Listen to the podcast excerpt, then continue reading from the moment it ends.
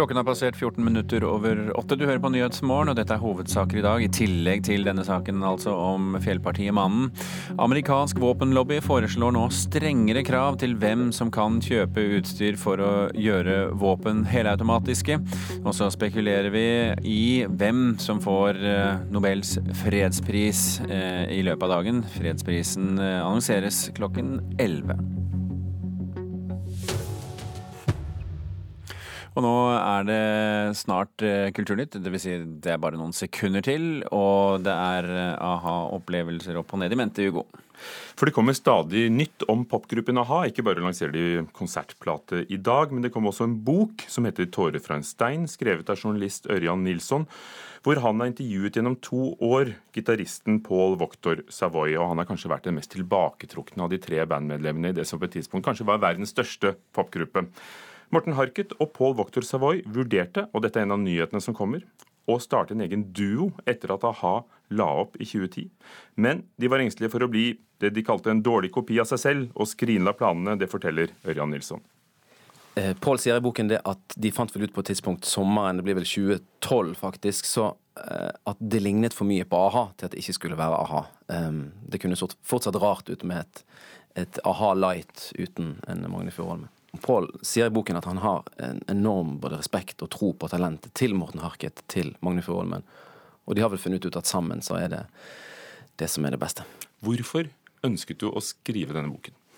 Jeg ville forsøke å komme inn til en kjerne. Det handler jo selvfølgelig om teksten og musikken, men bak det så ligger det eh, referanser til hvilken litteratur man leser, hva man ser på, hvilken tid man lever i.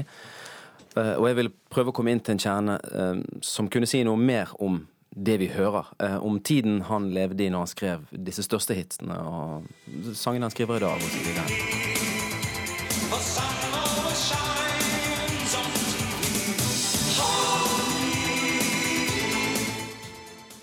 Det vekker jo minner. Og så var det Ørjan Nilsson, forfatteren av boken, som eh, fortalte da han var på besøk i Nyhetsmorgen tidligere i dag.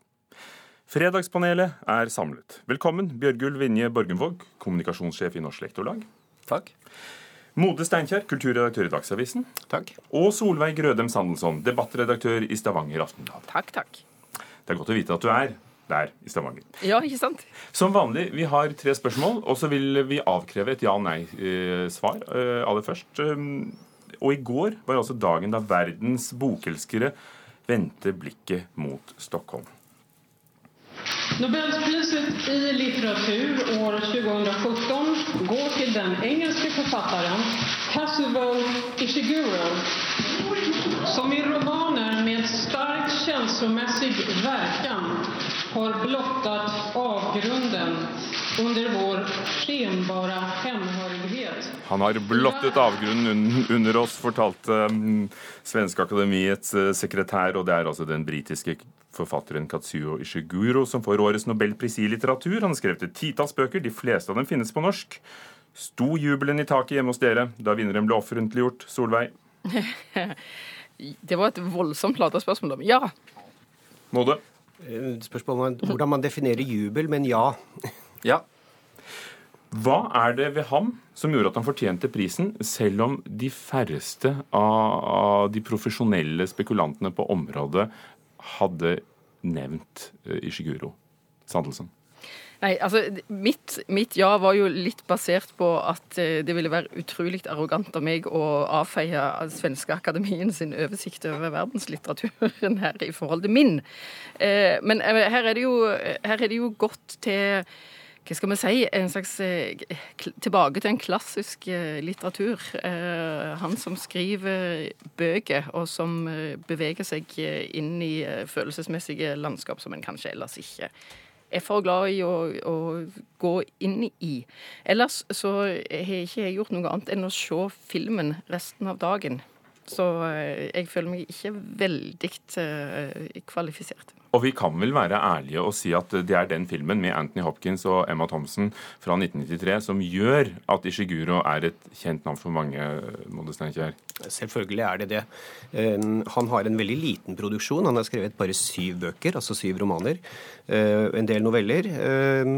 Men, men jeg tenker at eh, om navnet er overraskende, så tenkte jeg når jeg hadde sett litt på hva han står for og hva han har skrevet, at, at det er et veldig riktig valg akkurat nå. Eh, ser man på hva han gjorde etter brexit, så skrev han en, en, kronikk i Financial Times som gikk hardt i strupen på valget og britene, og hele, hele, lysten på å løsrive seg fra EU, som jeg tenker at gjør han til en veldig sånn aktuell og politisk forfatter. Eh, så på den ene siden så har du dette følelsesavgrunnen som, som på en måte også Sara Danius eh, til til grunnlag for, for, prisen, men samtidig så er han da en ekstremt spennende forfatter som, som setter britene på plass. Ja, jeg må jo si først at Når de sa at han avdekker Eh, blotter avgrunnen under illusoriske følelser av forbindelse med verden, så tenkte jeg har jeg egentlig lyst til å lese dette her. Men så har vi jo den digitale bokhylten Nasjonalbiblioteket hvor fem av bøkene hans ligger ute. Og det er fascinerende skildringer, disse bøkene. Fra alt fra japansk arvestrid til britisk kostskole til science fiction.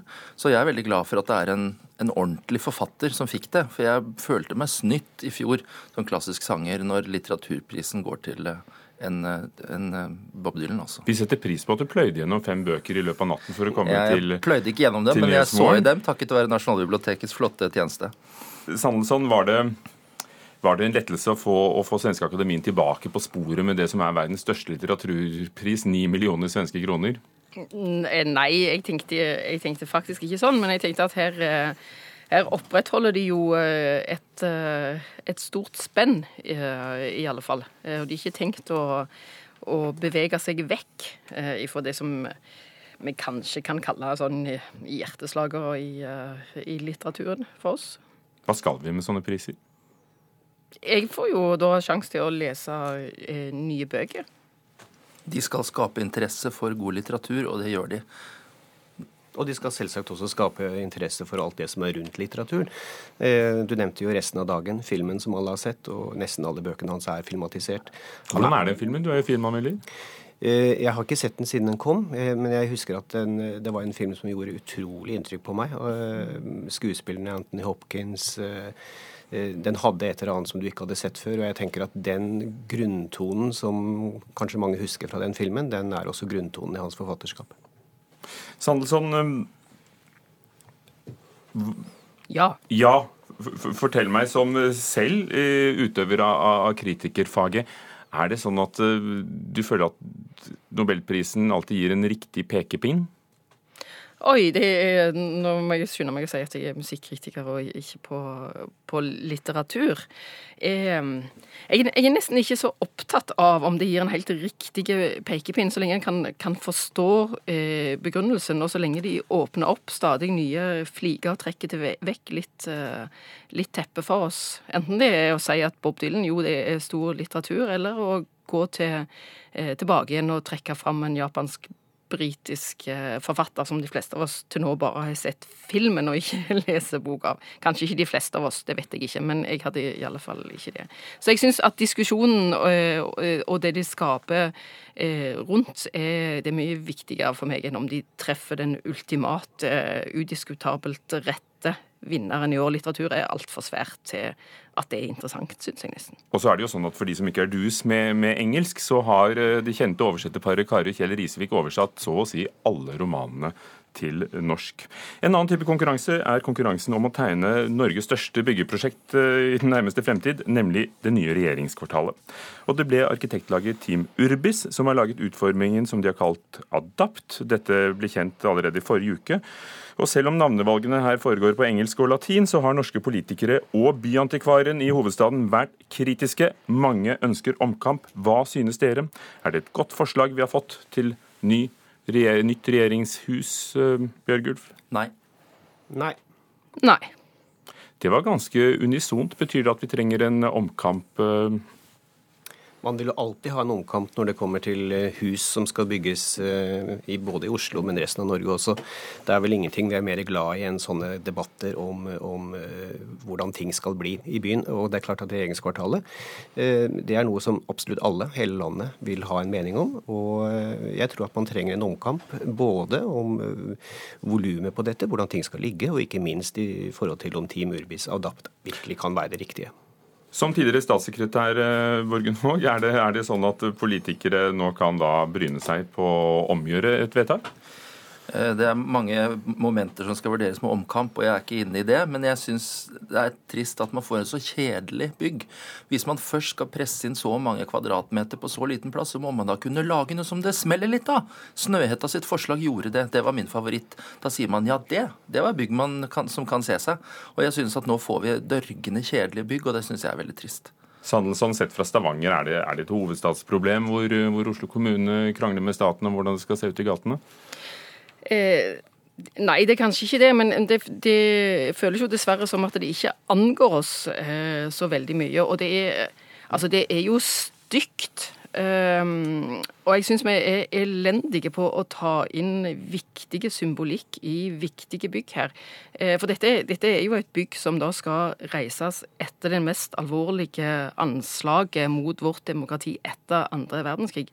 Eh, da det hadde skjedd, så sa daværende statsminister Stoltenberg at vi skal møte dette med mer åpenhet og med mer demokrati.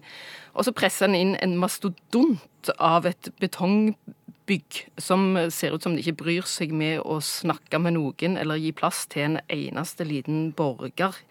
Eh, det syns jeg er så umusikalsk at det, det syns jeg står til stryk. Steinkjer, er problemet denne vinneren, eller er det premissene for hele konkurransen? At, at absolutt alle departementer eh, unntatt ett skal inn på, på ganske liten plass?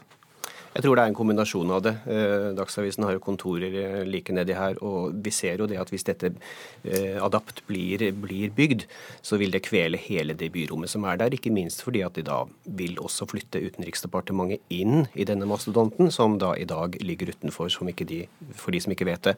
Og, og, det vil bli trangt, det vil bli klossete. Jeg tror det vil bli en, en død kvalt by. Et byrom som ikke er til å bruke utover det å skulle gå der fordi at du har noe der å gjøre. Er problemet denne vinneren, eller er det, er det, premissene som er lagt for deg? Jeg, jeg, tror det er premissene som er lagt. Altså, når det besto i avisen det er overraskende et romslig land å planlegge som om det var alvorlig plassmangel, slik at solen ikke kan slippe ned mellom bygningene, det syns jeg var kloke ord fra Kåre Willoch. Og når Statsbygg får spørsmål om føringene var for stramme, og presterer å svare at konkurranseprogrammet kunne ikke blitt annerledes, for det er sånn regjeringen har vedtatt det, det er god dag med økseskaft. For jeg tror ikke det er statsråden som har sittet og tegnet det forslaget til reguleringsplan som de har vedtatt. Så her syns jeg vi trenger mer dypt pløyende kritisk presse.